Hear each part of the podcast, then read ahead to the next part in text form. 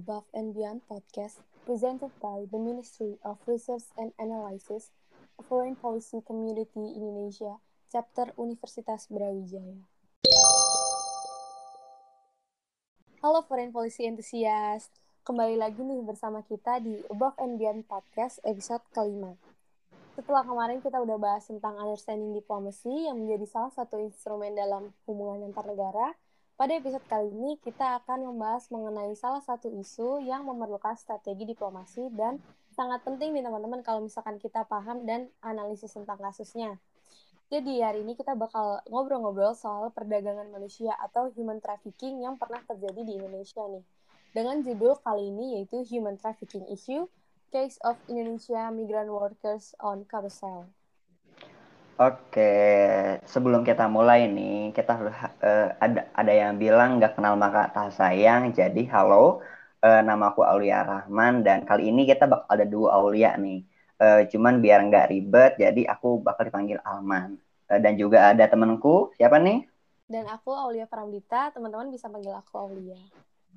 Oke, dari uh, dari RNA-nya FPCI Brawijaya. Nah, uh, dan kita berdua akan bertugas sebagai moderator di podcast kali ini. Oke, teman-teman, karena kita udah perkenalan, kali ini kita kedatangan Dita sebagai narasumber kita yang bakal sharing bareng tentang isu human trafficking. Nah, Dita ini merupakan mahasiswa HI Universitas Brawijaya dan dia juga merupakan Vice President Amnesty Brawijaya. Jadi, pasti keren banget lah narasumber kita di episode kali ini. Oke, langsung aja kita sapa narasumber kita. Halo Dita, apa kabar? Halo Aulia, halo Alman, halo juga nih uh, foreign policy antusias yang di rumah. Oke, kalau gitu mungkin kita bisa lanjut aja ya Alman. Oke, nah jadi sebelum kita diskusi lebih lanjut nih, kayaknya kita harus kenalan dulu nih sama topiknya kan. Nah, uh, topik dan juga temanya, yaitu uh, temanya itu sekarang human trafficking dan juga kaitannya dengan kasus TKI kita di Singapura nih. Nah, uh, aku bakal bawain dulu uh, definisi tentang human trafficking. Nah, jadi uh, mengutip definisi human trafficking dari uh, dari UN uh, pada pasal 3 disebutkan bahwa human trafficking itu ini cukup uh, hu, cukup bisa dibilang uh, agak hukum ya karena ini kasus tuh diartikan sebagai perekrutan, pengiriman, pemindahan, penampungan atau penerimaan seseorang dengan ancaman atau penggunaan kekerasan atau bentuk-bentuk lain dari pemaksaan, penculikan, penipuan, kebohongan, atau penyalahgunaan kekuasaan, atau lagi posisi rentan atau memberi atau menerima pembayaran atau memperoleh keuntungan agar dapat memperoleh persetujuan dari seseorang yang berkuasa atas orang lain untuk tujuan eksploitasi. Nah, ini menjadi salah satu kunci di mana uh, eksploitasi menjadi hal yang sangat uh, penting di human trafficking ini. Dan juga uh, kenapa ini kasus ini menjadi penting ataupun patut, patut untuk kita ketahui karena teman-teman semua uh, jadi pada tahun 2018 itu pernah ada kasus di Singapura di mana TKI kita uh, itu data-datanya itu dijual secara online di platform carousel. Jadi uh, berangkat dari ini Top and Beyond Podcast akan mengupas hal-hal ini lewat mendalam sudut pandang HAM atau hak hak asasi manusia. Oke, tanpa berlama-lama karena ini udah ada Kak Dita nih, uh, langsung aja ngomong ya sama kita langsung ngobrol nih sama Kak Dita. Oke, uh, Kak Dita. Iya, halo. Nih? Oke nih, oke kan tadi dari penjabaran yang udah aku explain ya tadi itu. Nah, uh, kasus ini kan emang cukup cukup besar ya waktu-waktu itu. Nah, tapi kalau dari sudut pandang kan sudut pandang kamu sendiri, kira-kira apa yang dilakukan oleh oleh government Indonesia itu untuk menindaklanjuti kasus ini seperti apa sih kak? Oke, jadi um, uh, dari yang aku ketahui selama ini ya, uh, pemerintah Indonesia itu udah bikin beberapa regulasi nih, kayak yang kita tahu Indonesia itu negara yang memiliki banyak migran, pekerja migran. uh, per Agustus tahun 2021 ini ada sekitar 5.222 pekerja migran yang menyebabkan pemerintah ini merasa dan memang harus menetapkan regulasi uh, buat melindungi para PMI atau pekerja migran ini. Kemudian uh, Anda nih Undang-Undang Nomor 39 Tahun 2004 yang isinya itu tentang perlindungan migran terus uh, dan sejak dari sejak penempatan, masa penempatan sampai dengan pernah penempatan migran ini hingga kembali ke tanah air. Yang berarti pihak agensi swasta maupun negeri itu harus patuh dan majikan para pekerja migran Indonesia ini harus patuh memenuhi kewajibannya dalam melindungi hak-hak migran yang sudah tercantum di Undang-Undang Nomor 39 Tahun 2004. Terus um, banyak banget nih kan yang Alman sama Alia tahu banyak banget kasus-kasus kekerasan migran gitu terutama hmm. buat yang ada di uh, Saudi. Nah, maka dari itu pemerintah Indonesia itu uh, membuat moratorium khusus untuk Arab Saudi yang namanya itu uh, moratorium pengiriman pekerja migran Indonesia sektor domestik ke Arab Saudi. Selain itu uh, menanggapi banyaknya kasus kekerasan dan pelanggaran HAM pekerja migran Indonesia BP2MI itu menerbitkan um, kalau nggak salah dia menerbitkan Regulation of the Indonesian Migrant Workers Protection Board of the Republic of Indonesia number 1 of 2020 on standard training and verification of Indonesian migrant workers employment contract yang isinya itu Nah, gimana sih uh, SOP SOP terus standar kontrak untuk pekerja migran Indonesia uh, dengan tujuan untuk meminimalisir adanya pelanggaran hak dan kewajiban, terus perlindungan terhadap pekerja migran Indonesia. Dan dari hukum internasional sendiri tuh sebenarnya udah ada ini International Convention for Migrant Worker yang sama pemerintah Indonesia udah diratifikasi dalam bentuk Undang-Undang Nomor 6 tahun 2012 gitu. Oke, uh, ini cukup jelas banget ya bahasanya. Cuman uh, kan tadi udah disebut ya kalau kita itu udah punya regulasinya di undang-undang nomor uh, undang-undang nomor nomor berapa tadi uh, yang tahun 2004 itu ya. Nah, uh, cuman yang aku agak concern juga sebenarnya kan ini kan kasus itu baru ya dan ini menggunakan cara baru di mana dia menjual data dirinya secara online. Nah, apakah uh, hal ini nggak diatur juga ya dalam undang-undang atau atau gimana nih Kak Rit? Oke, jadi um, karena undang-undang yang mengatur itu bisa dibilang masih ini ya masih pakai cara konvensional masih uh, primitif gitulah karena um, perdagangan manusia yang ada di undang-undang itu tuh konteksnya masih yang uh, perdagangan yang secara konvensial eh konvenian masih uh, antar pelakunya ketemu langsung gitu bukan yang uh, lewat situs karosel kayak yang kita bahas sekarang. Jadi kalau menurut aku emang perlu ini sih dibikin undang-undang tentang gimana sih um, harus mengatasi cybercrime yang um, mengarah kepada perdagangan manusia, terutama perdagangan PMI atau pekerja migran Indonesia, karena kan butuh banget tuh kita uh, regulasi yang benar-benar bisa menaungi kasus ini gitu. Oh oke okay, oke okay, oke. Okay. Jadi emang kalau misalkan dilihat juga undang-undang kita ini belum belum memasukkan unsur-unsur digital ke dalam undang-undang yang dipakai ya, kayak gitu ya. Betul banget. Hmm, uh, cuman aku pengen tahu deh, uh, tapi kan kalau Indonesia sendiri dia tuh belum memasukkan unsur-unsur kayak cybercrime uh, di undang-undangnya. Tapi kalau misalkan dari UN sendiri itu apakah dia sudah menetapkan ataupun merevisi uh, definisi dari human trafficking ini? Oke, berarti kalau dari United Nation ya? Iya, yeah, iya. Yeah. Kalau dari United Nation itu sebenarnya yang kita ratifikasi di Undang-Undang Nomor 6 tahun 2012 itu kan berdasarkan um, uh, ini dasar hukumnya UN ya dari ICMW. Tapi uh, di ICMW sendiri juga belum memasukkan adanya uh, cybercrime digitalisasi dari human trafficking gitu. Jadi uh, selama ini UN masih apa ya dalam menyelesaikan kasus itu masih yang kontekstual gitu, belum memiliki dasar yang secara internasional diakui gitu. Oke, okay. uh, kan tadi bilang ya ada ICMW. Nah, kira-kira ini apa sih? Kalau mungkin ada nih kita yang yang belum tahu nih.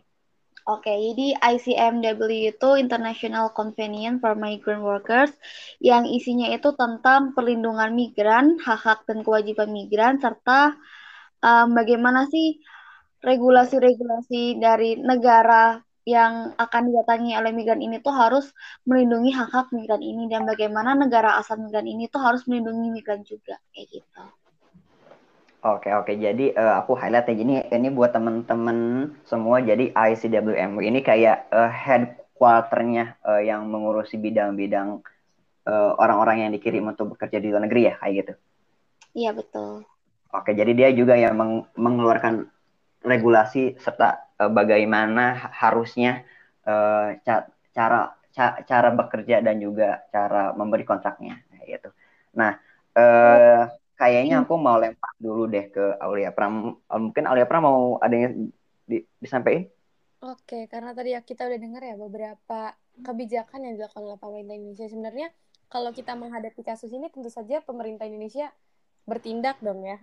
Kayak tadi uh, melalui ICNW, terus juga pemerintah Indonesia uh, melakukan ke mengeluarkan kebijakan. Tapi aku pengen nanya juga ya dari kebijakan-kebijakan yang dikeluarin itu, di menurut kamu efektif nggak? Hmm kebijakan yang dilakukan oleh pemerintah Indonesia ini dalam menangani kasus ini karena mengingat kalau nggak salah ini bersebar di isu-isu uh, sosial media kayak berita, terus di radio gitu-gitu tuh um, mengatakan bahwa kasus ini tuh malah sebenarnya udah terulang beberapa kali dan baru kali ini blow up karena emang kasusnya udah parah banget. Jadi menurut kita gimana nih? Kira-kira udah efektif nggak sih kebijakannya tuh? Oke. Jadi emang sebenarnya perdagangan TKI atau PMI ya sekarang TKI diganti sama PMI sebutannya atau pekerja migran Indonesia. Itu sayang sekali kasus ini tuh bukan yang pertama dan terakhir kalinya. Emang banyak banget kasus-kasus yang nggak ke up, yang masih um, low terpendam gitu. Dan pemerintah tuh menurut aku pribadi pemerintah tuh masih kurang tanggap gitu dalam menangani kasus-kasus kayak gini. Contohnya kasusnya tuh harus ini kebiasaan banget nih pemerintah. Kasusnya harus viral dulu baru ditangani kayak gitu.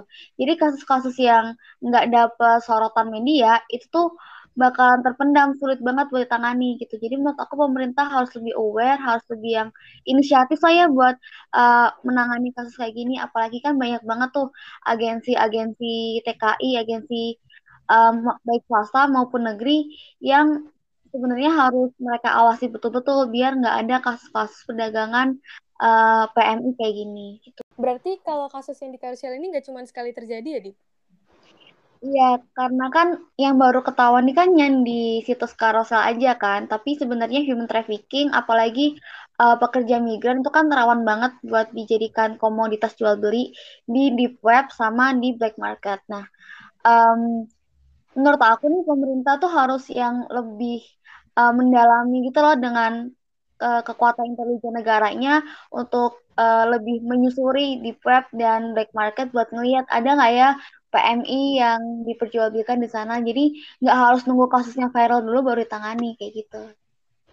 Oh berarti kalau di uh, kalau di kasus yang karusel ini emang sampai sekarang masih belum selesai gitu ya, Di?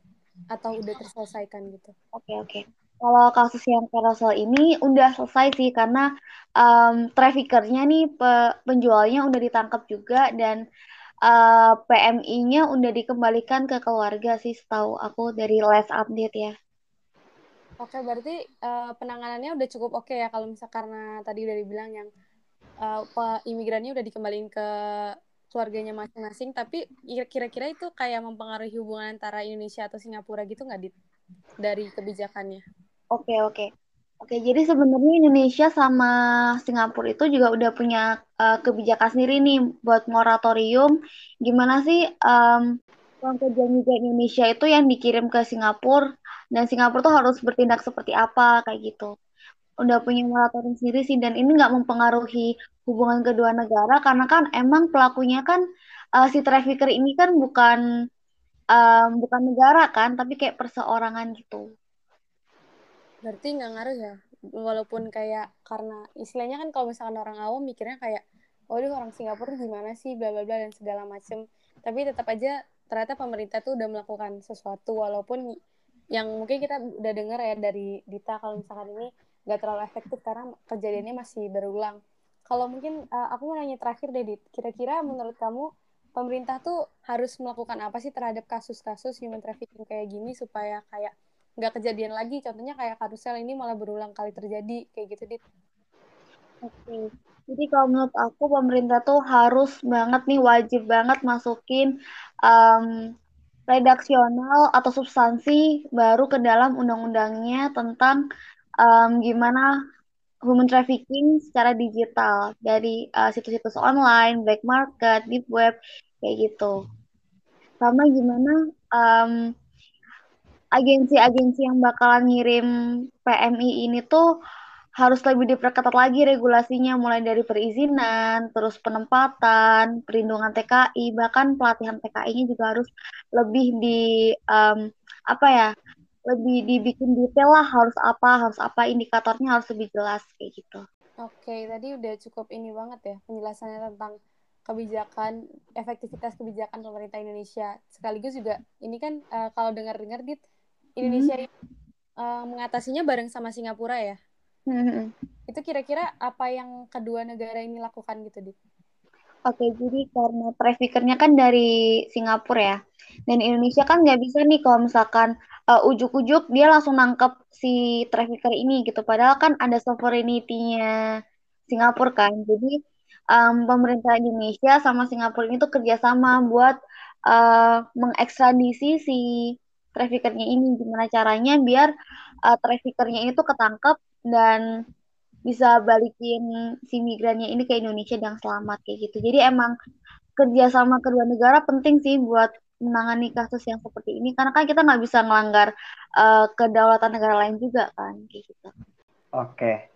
Uh, tadi kan udah bahas banget ya perihal uh, apakah ada hubungan timbal baliknya uh, antara Indo sama Singapura kasus ini. Cuman yang uh, aku juga mau highlight ataupun aku mau inform juga ke audiens kita semua, kalau nggak salah uh, bener sih ini udah kena hukuman. Jadi uh, trafficker itu sudah ketangkep di, di, di salah satu agensi uh, dan mereka itu uh, menggunakan hukum Singapura. Akhirnya mereka bayar denda yang yang cukup banyak dan pencabutan uh, izin kerja, uh, maaf, izin usahanya dicabut karena itu sebuah agensi cuman ada oknumnya yang main tiba-tiba katanya. Jadi uh, mereka didenda berdasar dengan hukum Singapura itu udah masuk ke sidang dan akhirnya kasusnya selesai sih.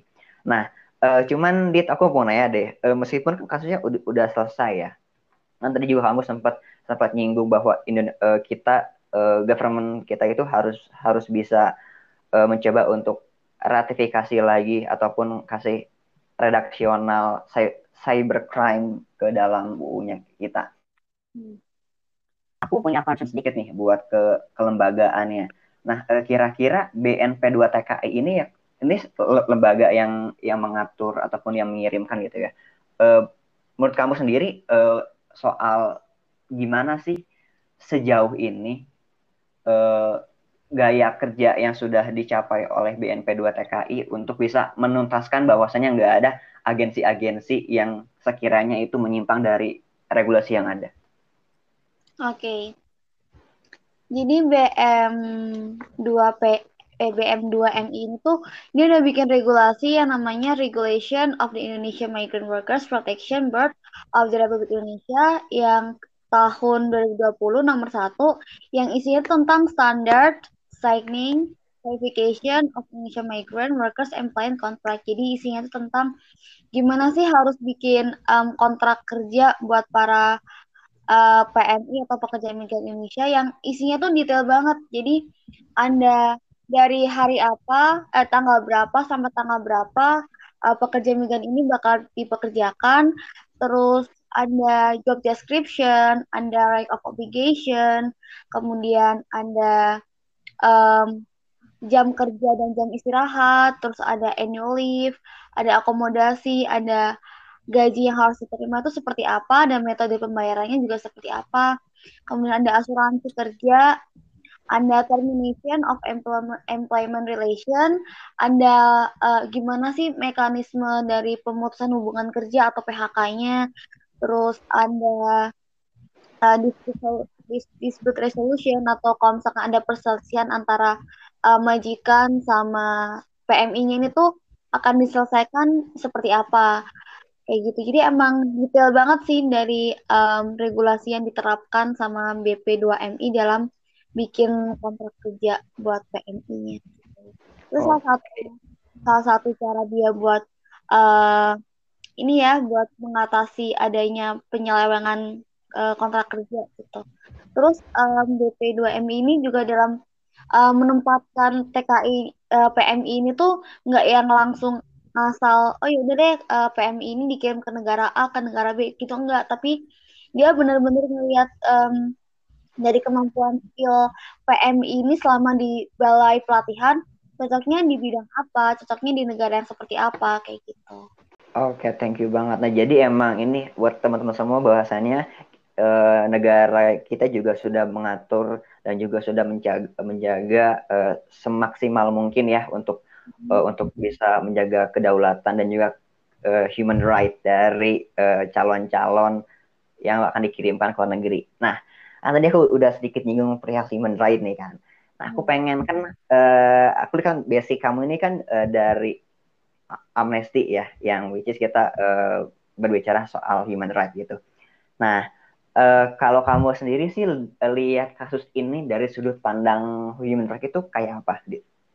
Oke, ini menarik banget sih karena di uh, di Amnesty International sendiri isu human trafficking itu jadi salah satu top tier issues gitu, jadi salah satu isu prioritas karena bila dari segi HAM nih human trafficking itu melanggar HAM karena dalam prosesnya para trafficker ini tuh memperlakukan orang-orang yang diperdagangkan seperti sebuah komoditas gitu. Kayak menginjak-injak hak-hak dasar mereka untuk membuat keputusan sendiri untuk bebas untuk um, bekerja di mana dan kepada siapa mereka um, berhak memilih. Kemudian hak untuk hidup kebebasan dan keamanan untuk uh, kemudian melanggar hak untuk bebas dari sasaran penyiksaan atau perlakuan atau hukuman yang kejam dan um, tidak manusiawi serta merendahkan martabat. Padahal um, di UDHR atau Universal Declaration of Human Rights artikel 23 itu disebutkan bahwa setiap orang yang bekerja berhak atas pengupahan yang adil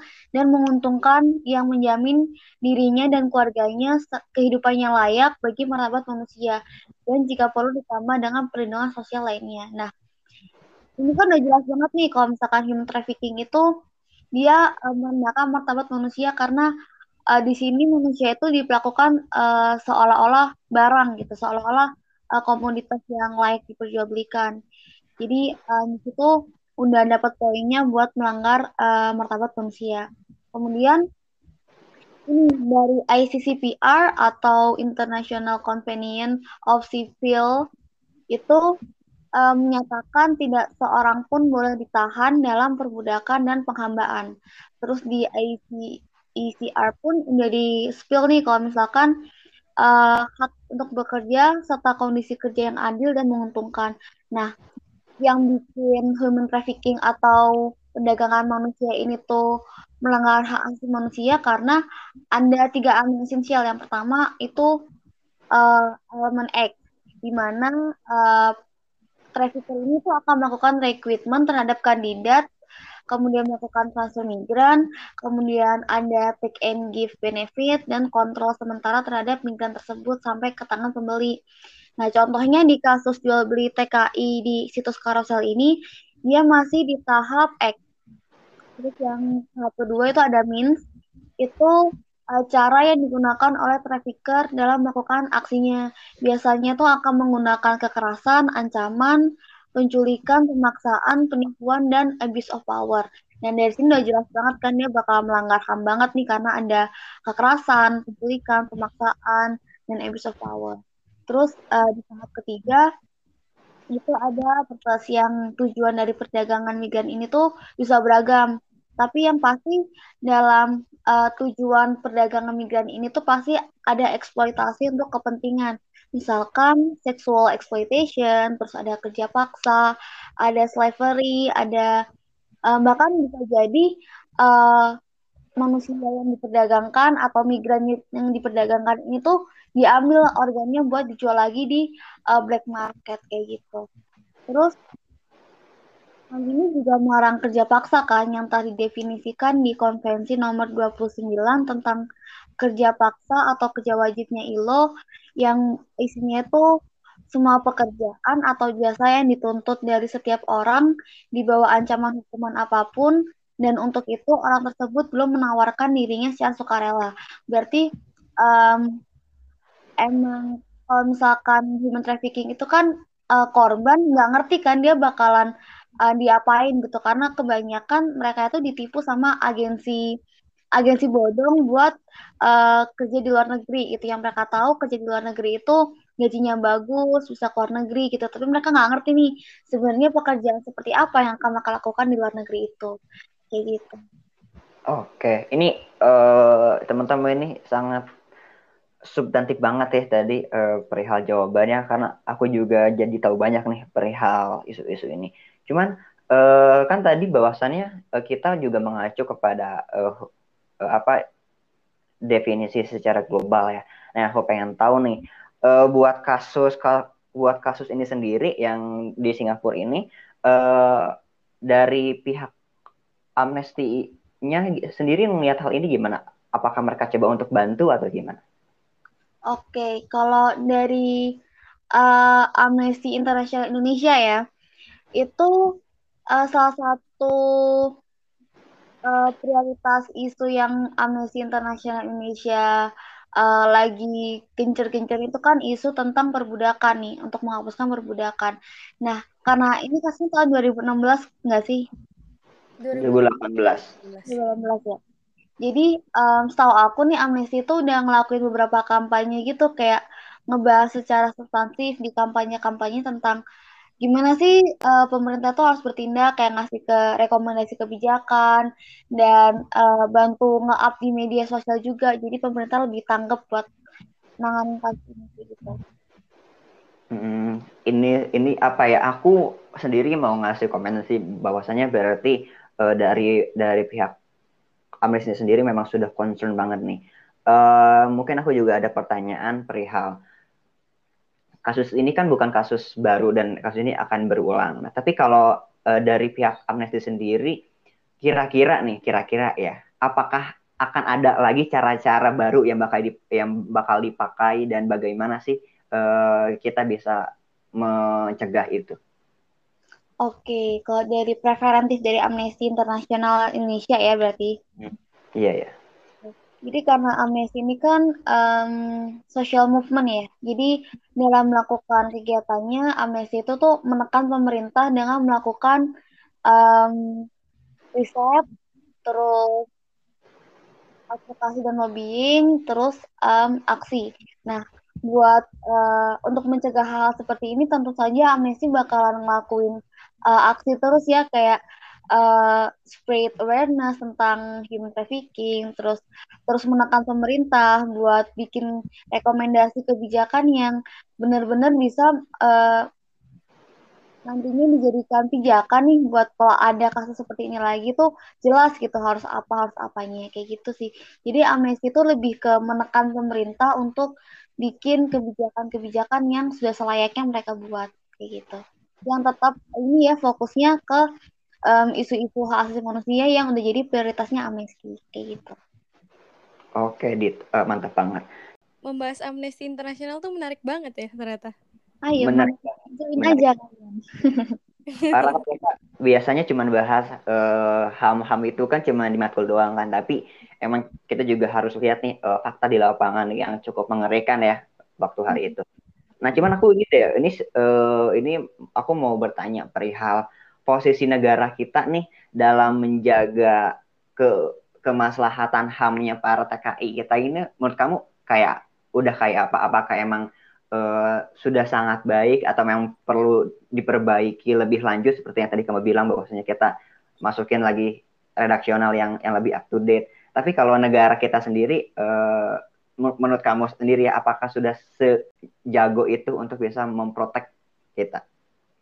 Oke menurut aku negara udah udah melakukan usaha terbaiknya sih dengan dia udah bikin moratorium bukan cuma ke Singapura dan ke Arab Saudi aja tapi ke banyak negara tentang gimana sih um, migran pekerja migran Indonesia yang ada di negara tersebut harus dilindungi kayak gitu. Terus ada juga undang-undang um, tentang perlindungan migran kayak UU nomor 39 tahun 2004, terus hasil ratifikasi dari ICMW juga UU nomor 6 tahun 2012, ada regulasi dari BP2MI yang menurut aku semua itu udah cukup ini secara universal uh, sangat melindungi migran gitu. Tinggal gimana pelaksana pelaksanaannya di lapangan nanti.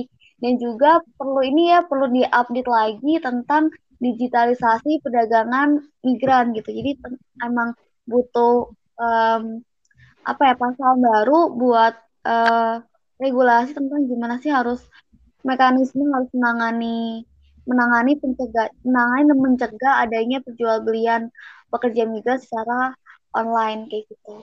Oke. Uh, wah, keren banget sih buat buat bahasan ini karena benar-benar setuju. Ini, ini ini buka mata kita banget gak sih untuk bisa mengerti lebih lanjut perihal human trafficking dan juga uh, hak-haknya TKI kita ini. Iya, tapi aku jadi pengen penasaran juga deh satu hal terakhir nih, Dit. Hmm. Uh, mungkin ini juga sebagai penutup dari pertanyaan kita di kasus hari ini ya. Aku pengen nanya, kalau misalkan kayak menurut kamu uh, dari Amnesty International merespon isu dari human trafficking di karusel ini, kira-kira udah uh, merubah sesuatu nggak sih? Atau kayak dari amnesti ini ternyata menggebrak sesuatu yang membuat pemerintah akhirnya mengambil kebijakan. Kayak gitu dit. Kira-kira gimana dit menurut kamu? Kalau dari amnesti internasional nih sebagai social movement ya iya, iya. banget nih? Oke oke. Berarti um, gimana amnesti menggebrak di isu karusel ini atau gimana sih? Iya iya benar. Oke. okay. gitu. Jadi karena social movement itu kan amnesti kan sebagai social movement nih Social movement itu kan kita nggak bisa melakukan sesuatu kan kalau misalkan bukan dari pemerintah langsung. Uh, kita cuma bisa kayak ngasih rekomendasi kebijakan, terus menekan pemerintah, ngasih tensi pemerintah biar mereka tuh gercep gitu loh buat menyelesaikan kasus ini. Jadi emang Amnesty Internasional, terutama Amnesty Internasional Indonesia, itu uh, kita cuma sebatas untuk terus menekan pemerintah biar mereka tuh tetap um, apa ya konsisten dalam menangani kasus-kasus yang uh, lagi kita upayakan kayak gitu. Jadi ya so far kita akan selalu menekan pemerintah untuk menyelesaikan kasus-kasus yang kayak gini. Gitu. Oke deh, kita udah dengerin ya, udah cukup lama ya, kurang lebih 30 menit nih kita dengerin uh, penjelasan dari Dita sebagai Vice President dari Amnesty Brawijaya dan juga perspektif Dita nih dalam melihat kasus ini dari sisi HAM, dari sisi kebijakan Indonesia. Gimana nih foreign policy enthusiast menurut kalian? Sebenarnya banyak banget loh yang wawasan atau info-info yang kita bisa dapetin dari uh, amnesti ini ya, baik itu dari amnesti ataupun dari penjelasan yang Dita ini dari udah ngejelasin ternyata dalam menangani kasus human trafficking ini sudah ada lembaga-lembaga atau agensi yang sebenarnya uh, berperan sebagai pen, uh, yang menangani kasus tersebut. Dan juga nggak cuma itu pemerintah juga sebagai pelindung negara itu juga ternyata sudah melakukan beberapa kebijakan mengeluarkan uh, strategi-strateginya untuk menangani kasus ini melalui baik itu melalui lembaga ataupun peran pemerintah in, pemeran pemerintah Indonesia sendiri sebagai pelindung negara ya pelindung warga negaranya warga negara Indonesia di Singapura sebagai korbannya. Nah, jadi kalau kita bisa simpulin bahwa sebenarnya kasus ini itu bukan sekali dua kali terjadi dan akan akan sangat memungkinkan bahwa kasus ini akan terjadi di kemudian hari. Dan kita sebagai masyarakat yang merasa kasus ini adalah sebuah permasalahan atau isu, kita bisa melakukan beberapa hal. Contohnya melalui social movement yang dilakukan oleh Amnesty International. Dan sebenarnya Amnesty itu nggak cuman Amnesty International aja ada Amnesty Amnesty lain. Seperti contohnya Dita sebagai uh, anggota dari Amnesty Brawijaya. Dan melalui agensi-agensi ini seperti atau social movement seperti Amnesty ini kita bisa menggebrak pemerintah untuk meng segera mengambil kebijakan atau bertindak untuk menangani kasus tersebut. Seperti contohnya di kasus karusel ini teman-teman. Karena dari sosial movement tersebut akhirnya pemerintah karena kasus ini sudah blow up ke masyarakat akhirnya pemerintah mengambil kebijakan dan alhamdulillahnya kasus karusel di tahun 2018 ini terselesaikan dengan uh, korban-korban tersebut dipulangkan kembali ke keluarga mereka masing-masing. Namun kita juga sebagai masyarakat harus tetap aware dan tetap uh, memahami bahwa kasus-kasus human trafficking ini akan selalu terjadi di lingkungan sekitar kita dan kita the best thing we can do is to prevent for human trafficking to happen in the future. Oke, okay, mungkin sebelum mengakhiri podcast uh, kelima kita ini, aku ingin mempersilahkan Dita untuk menyampaikan sedikit closing statement mengenai hasil diskusi kita tadi, Dit. Silahkan. Oke, okay, jadi um, emang eh, sebenarnya perlu diketahui ini kalau akar mula adanya perdagangan manusia, terutama perdagangan migran, itu kan karena adanya kemiskinan, terus kekerasan struktural, identitas gender dan uh, ketidakamanan terkait konflik bersenjata dan yang paling penting ini ketidaksetaraan ekonomi. Jadi emang pemerintah itu perlu memperhatikan hak-hak dasar dari setiap warga negaranya biar ke depannya itu uh, mencegah nih kaum kaum rentan kayak um, mereka yang berasal dari ekonomi rendah untuk kena tipu sama agensi-agensi bodong yang ujung-ujungnya mereka bakal diperdagangkan di eh, situs-situs online kayak carousel gini contohnya. Dan pemerintah harus lebih apa ya, harus lebih aware, harus lebih um, lebih apa ya lebih teliti lagi nih buat ada nggak ya uh, warga Indonesia yang diperdagangkan di situs-situs online kayak gini harus lebih bisa um, membuat regulasi yang nggak cuma secara konvensional tapi secara digital melindungi uh, pekerja migran Indonesia itu. Begitu.